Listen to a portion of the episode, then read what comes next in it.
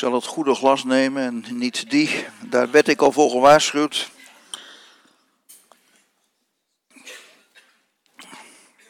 Een goedemorgen gemeente. Goed om hier weer te zijn. Gemeente, we gaan lezen uit de schrift, uit het Lucas-evangelie. Hoofdstuk 11. En we beginnen bij vers 1.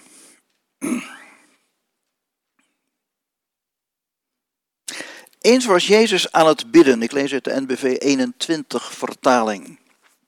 Eens was Jezus aan het bidden en toen hij zijn gebed beëindigd had, zei een van zijn leerlingen tegen hem: Heer, leer ons bidden. Zoals ook Johannes het zijn leerlingen geleerd heeft. En hij zei tegen hen: Wanneer jullie bidden, zeg dan: Vader, laat uw naam geheiligd worden en laat uw koninkrijk komen. Geef ons dagelijks het brood dat we nodig hebben. Vergeef ons onze zonden, want ook wij zelf vergeven iedereen die ons iets schuldig is. En breng ons niet in beproeving. Daarna zei hij tegen hen: Stel dat iemand van jullie een vriend heeft en midden in de nacht naar hem toe gaat en tegen hem zegt: Wil je mij drie broden lenen? Want een vriend van me is na een reis bij mij gekomen en ik heb niets om hem voor te zetten. En veronderstel nu eens dat die vriend dan zegt: Val me niet lastig, de deur is al gesloten en mijn kinderen en ik zijn al naar bed. In een Joodse context is dit ondenkbaar dat een vriend dat zou zeggen. Dit is een dorpsgemeenschap. En als er inderdaad een gast komt, dan, en je zou niet die gast geven wat hij nodig heeft, dan is er schande, niet alleen bij de persoon zelf die dat dan niet aanbiedt, maar in het hele dorp is dat schande. Je zet de, de, het dorp te kijk dat je niet gastvrij bent. Dus dit is ondenkbaar. Ik zeg jullie, als die al niet opstaat en het hem geeft omdat ze vrienden zijn, dan zal hij wel opstaan omdat zijn vriend onbeschaamd aandringt en hem alles geven wat hij nodig heeft. Daarom zeg ik jullie, vraag en er zal je gegeven worden. Zoek en je zult vinden. Klop en er zal voor je worden opengedaan. Want ieder die vraagt ontvangt, wie zoekt vindt en voor wie klopt zal worden opengedaan. En dan krijg je een vergelijking tussen een menselijke vader en God als vader. Welke vader onder jullie zou zijn kind, als het om vis vraagt, in plaats van een vis een slang geven? Of een schorpioen? Of als het om een ei vraagt? Als jullie dus slecht als jullie zijn, je kinderen al goede, slecht als jullie zijn, hoor je dat? Slecht al, dat zegt Jezus. Slecht als jullie zijn, je kinderen al goede gaven kunnen schenken, hoeveel te meer zal de Vader in de hemel dan niet de Heilige Geest geven aan wie hem daarom vragen. Al dus een stukje uit het onderwijs van Jezus. Gemeente, ik weet niet of u dat nog weet, vorige keer toen ik hier gesproken heb, toen ging dat over. Goed, dat is dus ook weg. Dat ging over wijsheid. Dat was op 6 augustus, het is toch niet echt een paar jaar geleden. Over wijsheid. Wil je wijs worden? Toen heb ik dat uit de spreuken gedaan en zo dat overgeheveld naar het Nieuwe Testament. Dat Jezus de persoon is die die wijsheid vertegenwoordigt. De wijsheid van God, de Logos. Nou, hier hebben we een stukje uit dat onderwijs van Jezus. En ik heb er nog gezegd in die preek van, dat in de Jacobusbrief, daar zie je staan van, als je wijsheid tekortschiet, wat dan? Jacobus. Bid erom. Kun je vragen, Heer God, ik kom hier wijsheid in tekort in deze situatie. Geeft u mij die wijsheid? Nou, aan de hand van dat bidden, en dan daarvan ga ik nu daar eens iets over zeggen, over bidden. En ik heb het uit, in twee gedeelten gesplitst. Eén ga ik wat algemene dingen zeggen over bidden. En het andere is, dan spits ik het toe op het Onze Vader. Het gaat om een leerling hier, dat hebben we net gelezen. En die geeft dus de vraag, Heer, leer ons bidden. Ik vind dat een vreemde vraag. Als ik kijk als kind wat mij geleerd is over bidden, dan is dat bijvoorbeeld, Heere zegen deze spijzen. Amen. Nou, ik moet zeggen, dat vind ik persoonlijk niet ingewikkeld. Dus als deze jonge man zegt, of deze leerling, Heer leer ons bidden, vind ik dit niet moeilijk. Vind ik het een beetje vreemde vraag. Daarbij komt ook nog dat dit natuurlijk iemand is, een volgeling van Jezus. Hij is Jood. In zijn opvoeding heeft hij dat al lang meegemaakt. In die gezinssituatie. En als hij op de Shabbat naar de synagoge gaat, natuurlijk heeft hij daar bidden gezien, gehoord. En misschien ook wel gedaan. Dus die vraag, Heer, leer ons bidden. Wat bedoelt hij daarmee? Eerst wat algemene dingen over bidden, voordat ik hier verder op inga. We beginnen met in, in vers 1, waarin staat: Eens was Jezus aan het bidden. Oftewel, Jezus was in gebed en die leerling die ziet dat. En als Jezus klaar is, dan stelt hij hem de vraag. Als je nou in het Lucas-evangelie eens leest, dan zie je dat gebed is iets wat in het Lucas-evangelie heel veel naar voren komt. Meer dan in andere evangeliën. Lucas heeft er oog voor. En hij noemt het dan ook vele keren. Als het gaat om Jezus, ik geef u een paar voorbeelden. In hoofdstuk 3, dan lezen we, toen ook Jezus gedoopt werd, dus bij zijn doop, was Jezus in gebed. Iets wat bijvoorbeeld in Matthäus evangelie, dat bidden, niet genoemd staat. Maar Lucas noemt het dus typisch wel. In hoofdstuk 5 dan heeft Jezus een aantal genezingen verricht. En dan staat er dat Jezus zich geregeld terugtrok om op eenzame plaatsen te bidden. In gebergte, woestijn, rustige plekken. Hoofdstuk 6. In die dagen ging Jezus naar het gebergte om te bidden en hij bracht de nacht door in het gebed tot God. Hoofdstuk 9. Bij de vermenigvuldiging van de broden en de vissen dan lezen we, Jezus zag op naar de hemel en sprak de zegen uit. Opnieuw, hoofdstuk 9. Voordat Petrus zijn beleidenis doet dat Jezus de Messias is, lezen we dat Jezus in het gebed alleen was en dat de discipelen in zijn nabijheid waren. Opnieuw, hoofdstuk 9. Voorafgaand aan die verheerlijking op de berg, lezen we dat Jezus Petrus en Johannes en Jacobus meenam en de berg opging om te bidden. Dan, laatste voorbeeld, hoofdstuk 22. Dan is Jezus bij de Olijfberg in de hof van Gethsemane. Daar zondert Jezus zich af, hij knielde neer en hij bad tot de Vader. In het Matthäus-evangelie zie je daar, hij wierp zich zijn gezicht ter aarde. En intens doet hij dat dan drie keer, dat gebed. Dus Matthäus is hier iets uitvoeriger. Als je het zo alleen al, alleen al aan de hand van deze voorbeelden ziet, dan weet je dat Jezus een man van gebed was. En de discipelen waren op die momenten meer dan eens bij hem in de buurt. Hij bad op allerlei plaatsen, hij deed het op verschillende tijden van de dag. Hij richtte zich tot God, de Vader.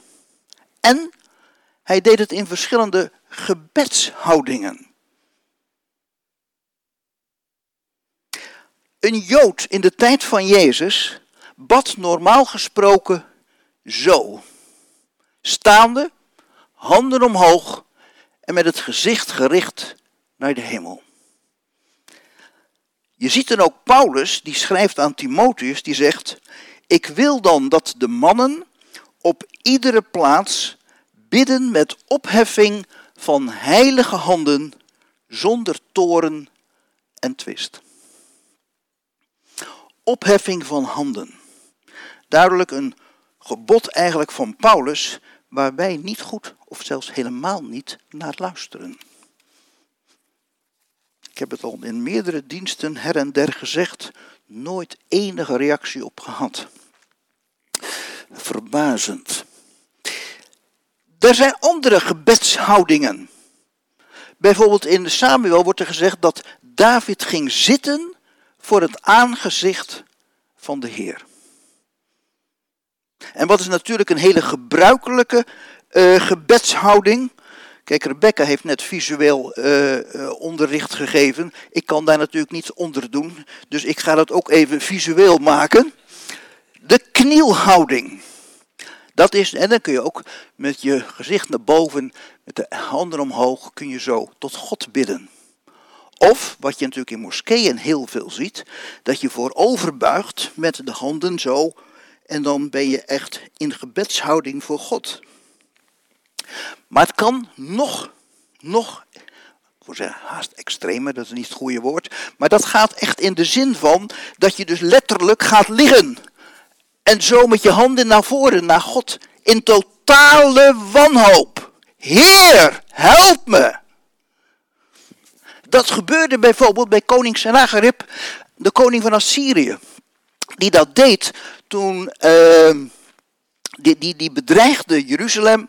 En dan was het koning Iskia die doodsbang was. En zo de brieven die hij had gekregen van die koning voor de Heere God neerlegde en vermoedelijk zo zichzelf ook op de grond legde. En ik zei net van Jezus in, in uh, Gethsemane, dat je daar dus ook ziet. Hij wierp zich ten aarde in wanhoop. Heer. Nou, zo kun je zo wanhopig zijn dat je voor het aangezicht van de Heer je neerlegt en zegt, Heer, ik zie dit niet meer zitten. Help mij. Allerlei gebedshoudingen. Nou heb ik iets meegenomen. Dat heeft mijn vrouw voor mij gemaakt, ik denk een jaartje of dertig geleden. Het is dus even geleden. Dat is dit dingetje. Wat denkt u wat het is? Dat is precies wat ik, het antwoord dat ik verwachtte. U denkt dat ik dat zo ga doen. Een knielbankje. Maar dit hou je niet zo lang vol. Normaal gesproken bij een knielbankje heb je iets wat wat hoger is en dan kun je je hand op laten rusten. Dan hou je het langer vol. Bij een trouwerij zie je dat wel eens als het echt bij een neerknielt en dan op zo'n knielbank en dan kun je daar ook met je handen op kun je wat rusten. Dit werkt anders. Oh, boem.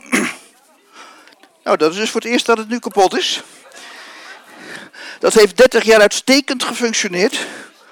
En nu dus niet meer. Ik kan het ook niet meer voordoen. Maar nou ja, ik kan het wel proberen. Dat je, dan begrijpt je het wel. Wat je, wat je doet is, je, legt, je zet het onder je. Dus dan kun je erop zitten. Waardoor je wat je benen niet meer afgekneld wordt. Dus de doorbloeding van je benen blijft dan doorgaan en kun je het langer volhouden. Dat is de gedachte. Het is buitengewoon simpel te maken en het gaat lang mee. Normaal gesproken. Goed. Ik heb iets om aan mijn vrouw te vragen. Maar het werkt uitstekend. Ik ben nu wat ouder. En als ik het nu weer zou laten maken, zou ik hem iets hoger maken. Dat, zo gaat dat dan. Hè? Ja. Dus misschien maar goed dat het. Uh, hè? Maar in ieder geval, zo heb je dus allerlei verschillende gebedshoudingen. En het is maar net een kwestie van wat is je situatie, welke gebedshouding past bij welk moment. Openbaring, even ter afronding hiervan. Daar staat, en de 24 oudsten die voor God op een troon zitten, wierpen zich met hun gezicht ter aarde en aanbaden God. Zo zie je dat ook daar in de hemel dit gebeurt. Uit ontzag, respect, eerbied tonend voor God. Als we kijken naar de plaats van gebed, waar bid je? Ook daar staat wel degelijk wat instructie. Jezus heeft op allerlei onderwerpen, heb ik wel eens vaker gezegd, op allerlei onderwerpen onderwijs gegeven. Ik zei net bij Paulus, die schrijft op iedere plaats waar mannen bij elkaar zijn, of om te bidden, dat je je handen omhoog doet. Jezus, als het gaat om bidden, heeft duidelijk de nadruk op bid in het verborgene. En dan noemt hij een binnenvertrek. Het Griekse woord wat daar gebruikt wordt, dat is de voorraadkast. Een afgesloten ruimte waar de voorraad van het huis aanwezig was. Met name voedsel en dergelijke. Afgesloten, in het verborgene. Kan ook een ander binnenvertrek zijn wat afgesloten is. Het kan een slaapkamer zijn. Maar in ieder geval in het verborgene. En dan zegt hij zo mooi dat God ziet en hoort je gebed in het verborgene. wil niet zeggen dat publiek openbaar gebed niet goed is, maar zolang het maar niet voor de show is, van kijk mij eens, dat wijst Jezus radicaal af. En zelf ging hij heel vaak naar buiten toe om op eenzame, rustige plaatsen met zijn Vader in de hemel te spreken. Als je kijkt naar de intensiteit van het gebed, dan zie je ook daar het een en ander. Als je kijkt naar de Gethsemane, dat Jezus hevig transpireerde. Zoveel emotie zat daarachter. Als hij met de Vader spreekt. Of denk even aan de hele andere kant, aan de tollenaar die in de tempel is. Je hebt dan die fariseer gehad, zo vertelt Jezus. Maar is die tollenaar in de tempel en dan heft hij, ja, je zou zeggen zijn ogen op, want dat zou dan normaal gesproken moeten, maar dat durft hij geen eens. Met de neergeslagen ogen spreekt hij tot God in de zin van hij sloeg zich op de borst en zei, O God, wees mij zondaar genadig. En hij keerde gerechtvaardigd naar huis.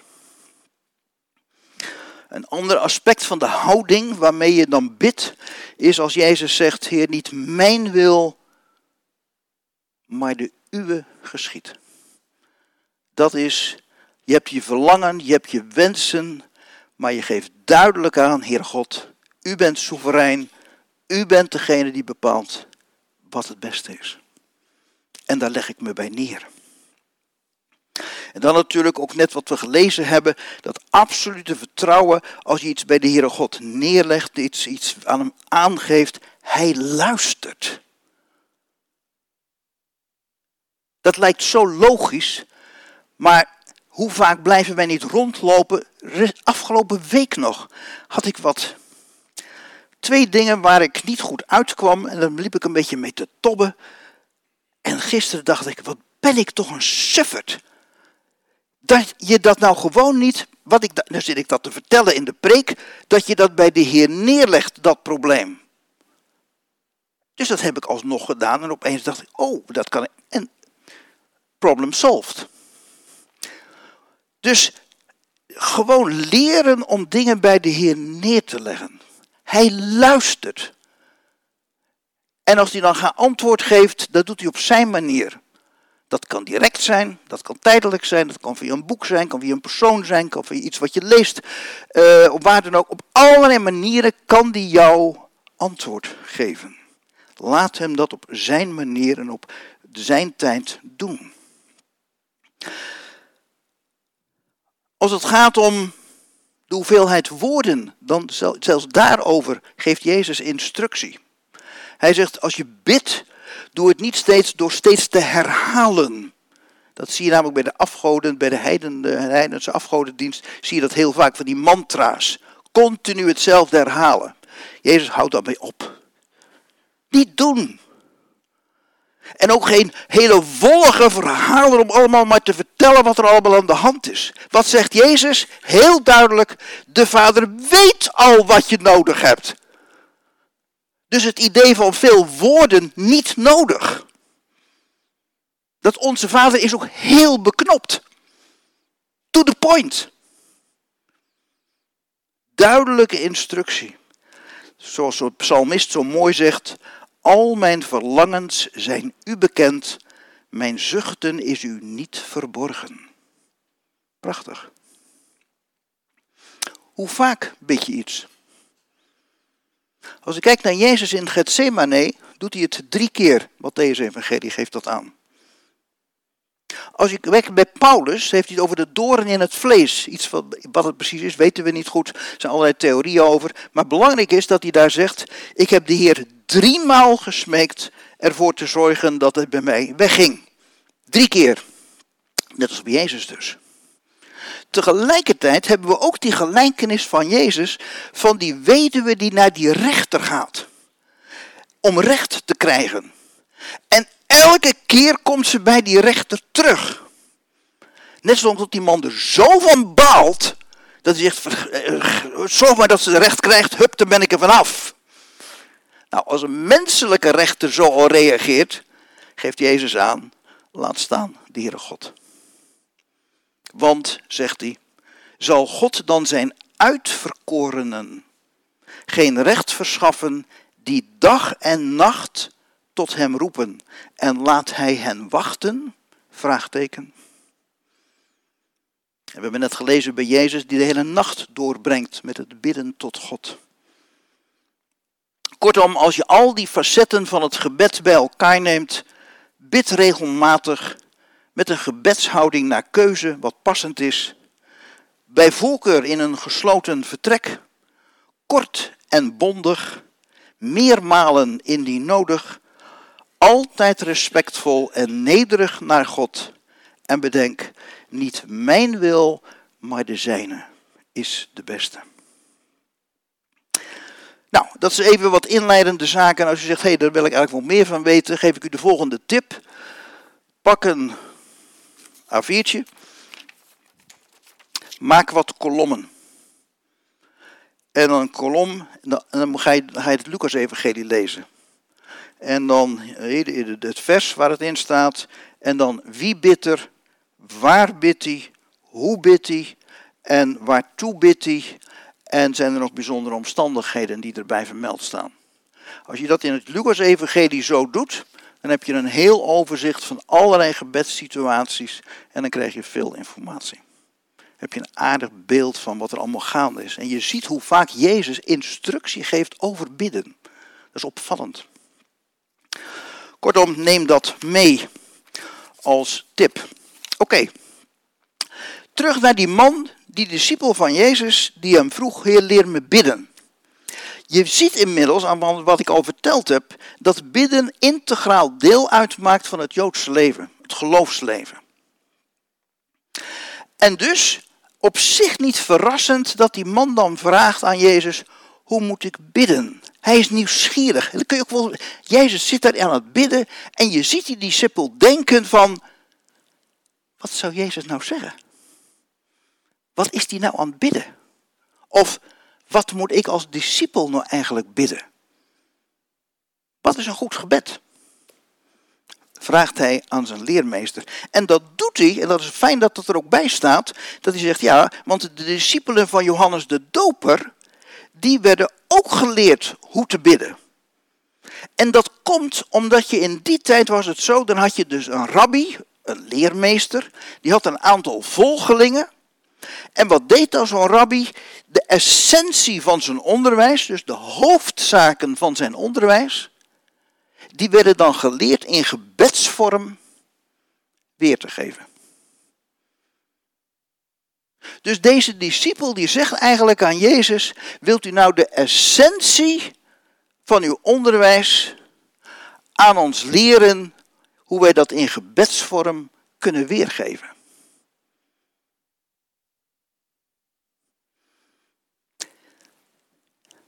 En wat is dan die essentie van Jezus' onderwijs? Herinner je nog, een beetje het evangelie kent, herinner je nog dat er op een gegeven moment een man naar Jezus toekomt en die zegt, Heere, ik wil het eeuwige leven beërven. Wat moet ik doen om het eeuwige leven te beërven, te krijgen? En dan geeft Jezus een antwoord. Weet iemand wat het antwoord was? Hij geeft twee antwoorden.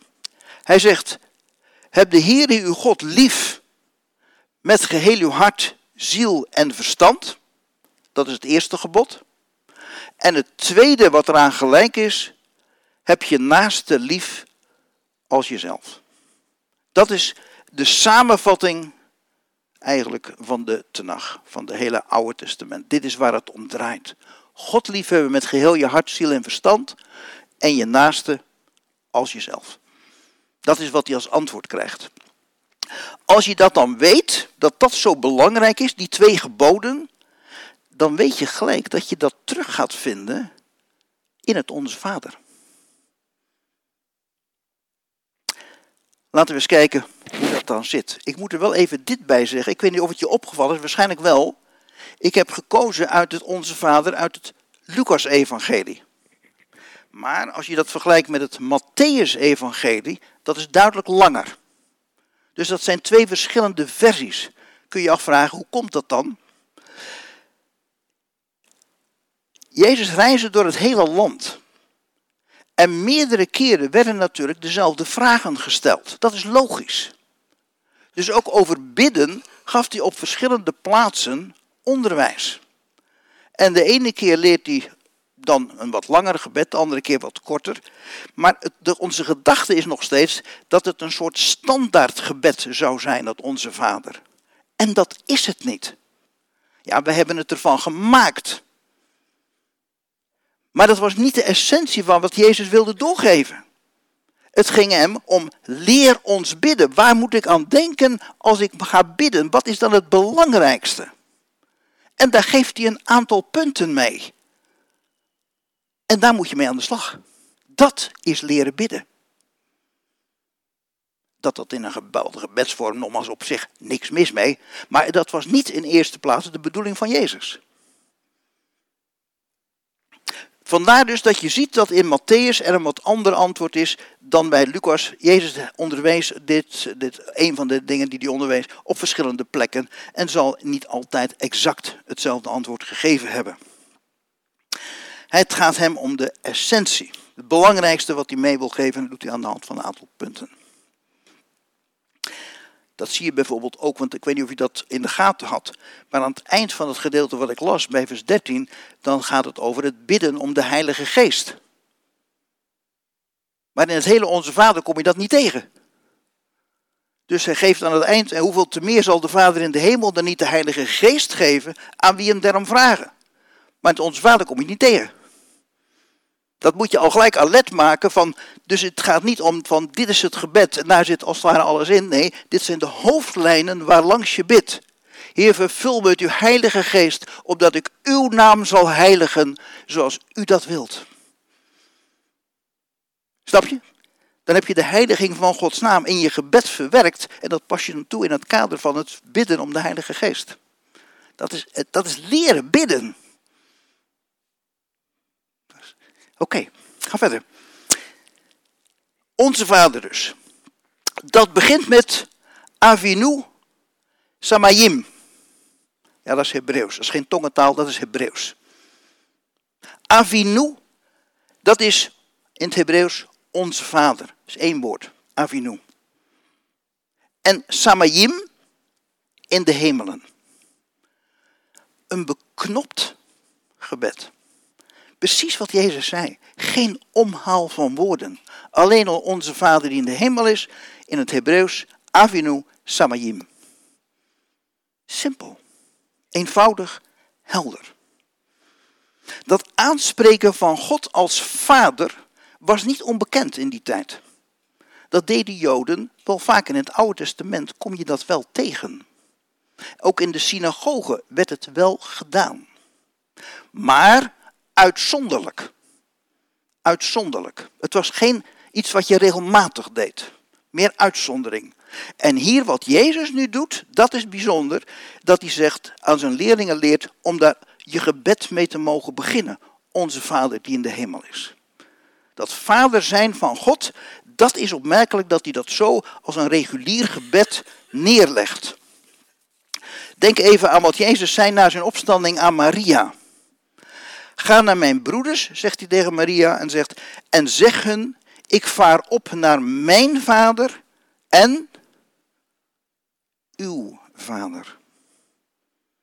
Dus zo is de God de vader van Jezus op een unieke wijze. Maar hij, zegt Jezus, hij is ook jullie vader. Hij is onze vader. Als een Jood dat hoort om vader te gebruiken tegenover God, dan zit daar een bepaald vaderbeeld bij. Dat is logisch. En het Oosterse beeld van een vader, dat bestaat tenminste uit drie aspecten. In de eerste plaats wordt een vader gezien als de oorsprong, de bron van een gezin. Zie je natuurlijk in Genesis, man verlaat zijn ouders en start enzovoort.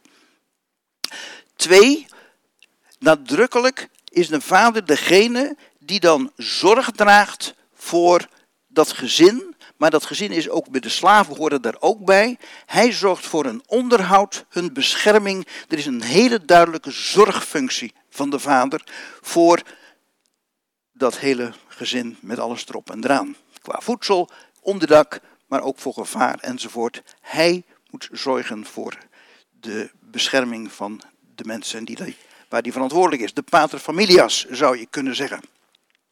En als zodanig heeft hij dan ook het derde aspect van zijn functie als vader, het hoogste gezag. Wij hebben dat minder. We zijn natuurlijk in de jaren, nou wanneer zal het geweest zijn? Uh, ik heb nog geleerd om het u tegen mijn ouders te zeggen, maar langzamerhand werd het de je-vorm. En ik zie bij mijn kinderen dat het alle twee is. Sommigen spreken mij nog als u aan en sommigen met je. Ik vind het allemaal prima. Maar het, het, je ziet, daar zit er wat een verschuiving in. Maar het beeld van de Oosterse, in de Oosterse context is duidelijk. Het is de gezaghebbende persoon. Hij heeft het hoogste gezag in die grotere huishouding van gezin, slaven enzovoort. Nou, als je dat dan ziet, als Jezus zegt van onze Vader, dan moet je dit in gedachten houden. Hij is duidelijk de bron van alles. Hij is natuurlijk de schepper van hemel en aarde. Hij heeft alles, ja, de oorsprong neergelegd als het ware. Dus hij is de maker. Twee, hij is onze beschermer. Onze, gezegd in, in, met het voorbeeld, onze burcht, onze toevlucht. Hij is degene ook die voorziet, onze voorziener. Als het gaat om voedsel of onderdak, dus bescherming ook. En drie, hij moet gehoorzaamd worden. Uw wil geschieden. Dat zijn aspecten die je mee moet nemen als je denkt aan onze Vader. Hij is de oorsprong van alles, hij is de beschermer en de voorziener.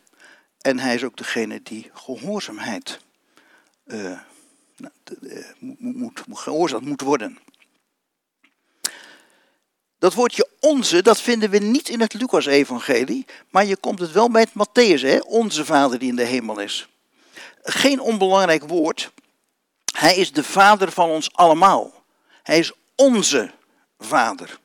En op het moment dat je het woord ons gebruikt in je gebed, dan geeft dat eigenlijk als het ware gelijk aan. Hij is jouw vader, hij is jouw vader, hij is mijn vader, hij is ons aller vader. Of je nou man bent of vrouw, of je nou blank bent of zwart, of je nou rijk bent of dat je arm bent, wat voor je positie je ook hebt, of je Jood bent of Griek, werknemer of werkgever, allemaal zeggen we onze vader. En daarmee zijn we als kinderen van God gelijk. In elk opzicht. Opvallend dat dat ons in het gebed vaak genoemd wordt. Geef ons heden ons, ons, geef ons ons dagelijks brood. Vergeef ons onze schulden. Leid ons niet in verzoeking. Verlos ons van de boze. Het is duidelijk een collectief gebed wat je met elkaar kunt bidden. En wat ook vaak gebeurt. Maar het betreft dus ons ook allemaal. Is belangrijk. Onze Vader. En dat Samayin in de hemelen, dat is niet onbelangrijk. Hij is niet een van een vader zoals wij dat hier ook kennen. In dat opzicht is hij uniek. Hij is de vader in de hemel. Heeft de functie wel zoals wij een vader kennen, dus die gelijkenis dat kan. Maar hij is wel degene die in de hemel is. Die boven ons staat, die soeverein is. Hij is de transcendente God in de zin van, in de hemel is hij ver weg. Maar hij is ook onze vader, en dan is het de immanente God die juist heel dichtbij is. Beide aspecten van God mogen we serieus nemen. Zo leren we iets van hoe we de Heere God mogen benaderen als onze Vader die in de hemel is. Hij is de schepper. Hij is onze liefdevolle, almachtige Vader in de hemel. Ik vond het heel mooi in een boekje van James Packer. Misschien dat u hem kent, de schrijver. Hij heeft het boekje, uh, boek geschreven van uh, God leren kennen. Knowing God. Er zijn er miljoenen van verkocht. En hij geeft aan in een ander boekje wat hij geschreven heeft. Hij zegt dat onze Vader is ook een vorm van dialoog. Tussen God en ons. De Heere God vraagt eigenlijk aan ons: Wie ben ik voor jou? En dan antwoorden wij: U bent onze Vader die in de hemel is. En dan vraagt God: Wat zou je dan het liefst willen dat jouw Vader in de hemel doet? En dan zeggen wij: Wij willen heel graag dat uw naam geheiligd wordt, dat uw koninkrijk gaat komen en, Matthäus, dat uw wil gedaan wordt. Het is natuurlijk ons gebed. Jezus leert het ons, maar het is ons gebed. Vader, dit is wat we willen. Dit is ons hartsverlangen. We noemen dat een Hebreeuws parallelisme. Wat wil dat zeggen? Dat je op drie verschillende manieren iets zegt, verschillende manieren iets zegt, maar je bedoelt hetzelfde. Uw naam wordt geheiligd, dat uw koninkrijk komt, dat uw wil wordt gedaan. Dat zit helemaal heel dicht bij elkaar. In het Oude Testament kom je dat parallelisme, dat op die manier dingen zeggen, op, twee verschillende, op drie verschillende manieren, dat je toch hetzelfde aangeeft. Dat kom je vaak tegen in het Oude Testament. Maar wat je er eigenlijk mee wil zeggen met die drie dingen is, alles draait om u, Heere God. Alles. Dat is wat ik wil. Dan moet je even nadenken wat er gebeurt in Genesis 3. Genesis 3. Wat gebeurt daar? Natuurlijk, daar wordt een verkeerde keus gemaakt. Er zijn twee partijen aanwezig. De God heeft aan Adam en Eve instructie gegeven wat ze wel en wat ze niet moeten doen. En dan komt er een andere partij langs, in de vorm van een slang. En die zegt, joh, kom op, moet eens kijken, die vruchten enzovoort, ziet er fantastisch uit, moet je zeker wel doen, want dan zus en zo. En zo moet er een keuze gemaakt worden, naar wie luisteren we? Naar de instructies van de God, de schepper van hemel en aarde, of die andere partij die langskomt en die ons het een en ander influistert. Welke keuze wordt gemaakt? En we weten allemaal hoe dat afloopt.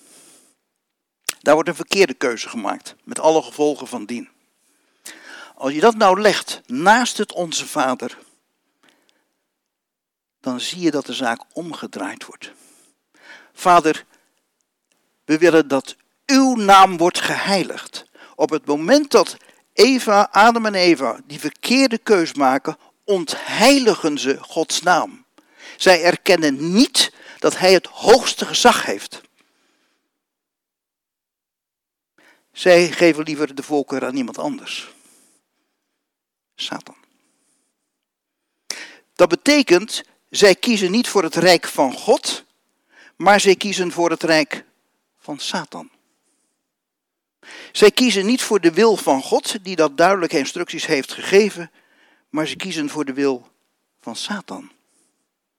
En nou zeggen wij in het Onze Vader, wij willen, dat is onze keus, uw naam heiligen. We willen dat uw koninkrijk komt en we willen dolgraag dat uw wil geschiet. En niet van die ander. Een hele duidelijke keuze de andere kant op. En daarmee zie je het herstel van wat er in Genesis 3 is fout gegaan.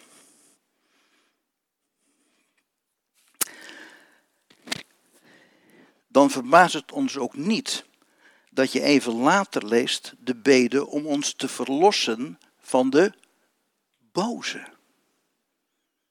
Heer, bescherm ons alstublieft voor de verleiding van die persoon.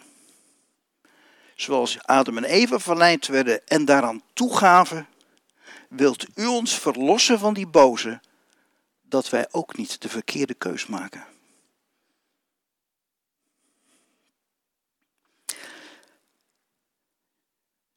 Op deze manier hebben we iets gezien van dat eerste gebod.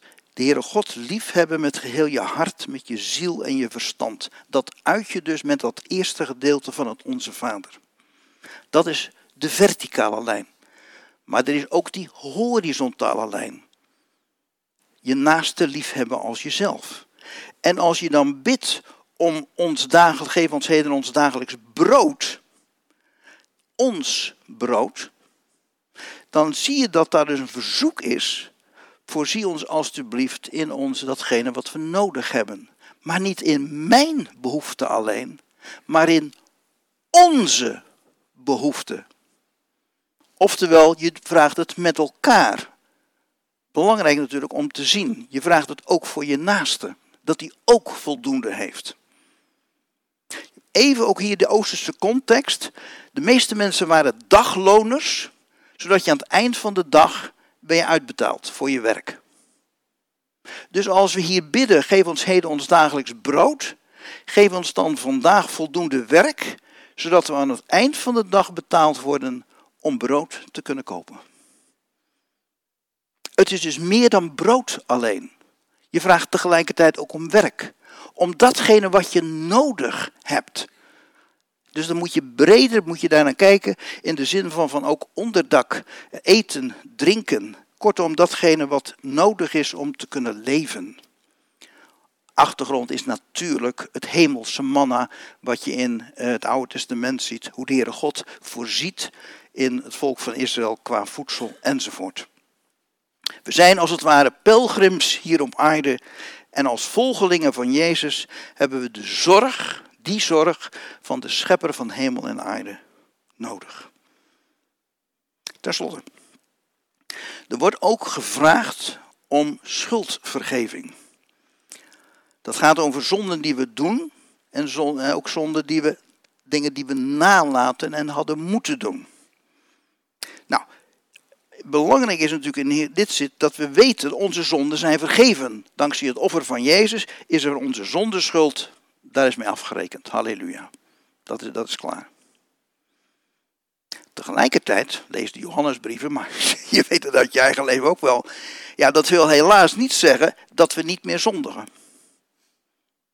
En dus is dat gebed niet onnodig. Heer, vergeef ons onze schulden. En dan staat er zo, ik zou zo haast willen zeggen, vervelend staat erbij zoals wij ook onze naasten vergeven. Dat is wel iets wat nadrukkelijk erbij staat, zowel in Matthäus als in Lucas. Er wordt dus een relatie gelegd zoals wij gaan met mensen die, die ons iets schuldig zijn. Dat heeft effect als het ware op hoe de Heere God ons vergeeft. Je ziet daar in de gelijkenissen van je, nogmaals zoals ik al zei, het is de essentie van zijn onderwijs. Je ziet dan ook in de, een van de gelijkenissen van Jezus dat hij dit nadrukkelijk leert. Op een gegeven moment vraagt Petrus van Heer, hoe vaak moet ik vergeven? Zeven keer? Drie keer? Zeven keer? En dan zegt Jezus, zeventig keer zeven keer. Oftewel, dat, dat, dat kent geen einde. En daarna vertelt Jezus dan die gelijkenis van die koning die dan aan een slaaf, die, dan is hem 10.000 talenten is die slaaf schuldig aan de koning. Nou, dat is een miljoenenbedrag. Dat is gigantisch veel. 10.000 talenten, dat, dat, dat, dat is mega veel. Maar het wordt kwijtgescholden. En dan die slaaf is dan, gaat dan naar buiten en dan ontmoet hij een medeslaaf. En die is hem 100 schellingen, dat, dat stelt niks voor. 100 schellingen verschuldigd, dat is een heel klein bedrag. Maar hij wordt woest als hij dat niet gelijk betaalt. En de koning hoort dit. Die zegt, wat? En die slaaf, die moet terugkomen bij de koning. Want de koning is furieus. Hij heeft hem zo'n gigantisch bedrag kwijtgescholden. En als het dan om een heel klein bedrag gaat, zit hij daar moeilijk over te doen. De koning is voedend. En wat staat er? Dat deze slaaf gefolterd moet worden, net zo lang totdat hij die 10.000 talenten betaald heeft. Nou, dat gaat hij nooit meer terugbetalen, gedurende heel zijn leven niet. Een beeld van de hel. wat Jezus hier duidelijk aangeeft. Als je andere, andere onderwijs van, dan weet je dat dat echt zo is. En dan staat er, schrik niet, zo zal ook mijn hemelse Vader u doen, indien u niet een ieder zijn broeder van harte vergeeft. Ik herhaal het, het zijn de woorden van Jezus. Zo zal ook mijn hemelse Vader u doen, indien u niet een ieder zijn broeder van harte vergeeft. En dat slaat dan op dat folteren net zolang tot je schuld betaald is. Nou, wij, onze schuld naar God kunnen wij nooit betalen. Ik vind het een heel ernstig onderwerp dit. Dit is heel serieus. Als wij het onze, onze naaste niet kunnen vergeven, dan neemt de Heere God ons zeer kwalijk. Omdat Hij onze schuld door het offer van Jezus volledig heeft geregeld. En dan verwacht hij van ons, doe dat dan ook met je naaste. Zoals ik het heb gedaan door mijn zoon te geven. Zo horen wij met dit aspect van ons leven om te gaan. En dat is niet altijd makkelijk. Maar wel serieus. Kortom, samenvattend wat Jezus doet in het Onze Vader. Hij helpt ons om geheel gericht te zijn op God. En oog te hebben voor onze naasten. Tot slot, laatste opmerking. Als je nou kijkt naar de toekomst. Als de Heer terugkomt, wat gebeurt er dan? Dan wordt Gods naam geheiligd.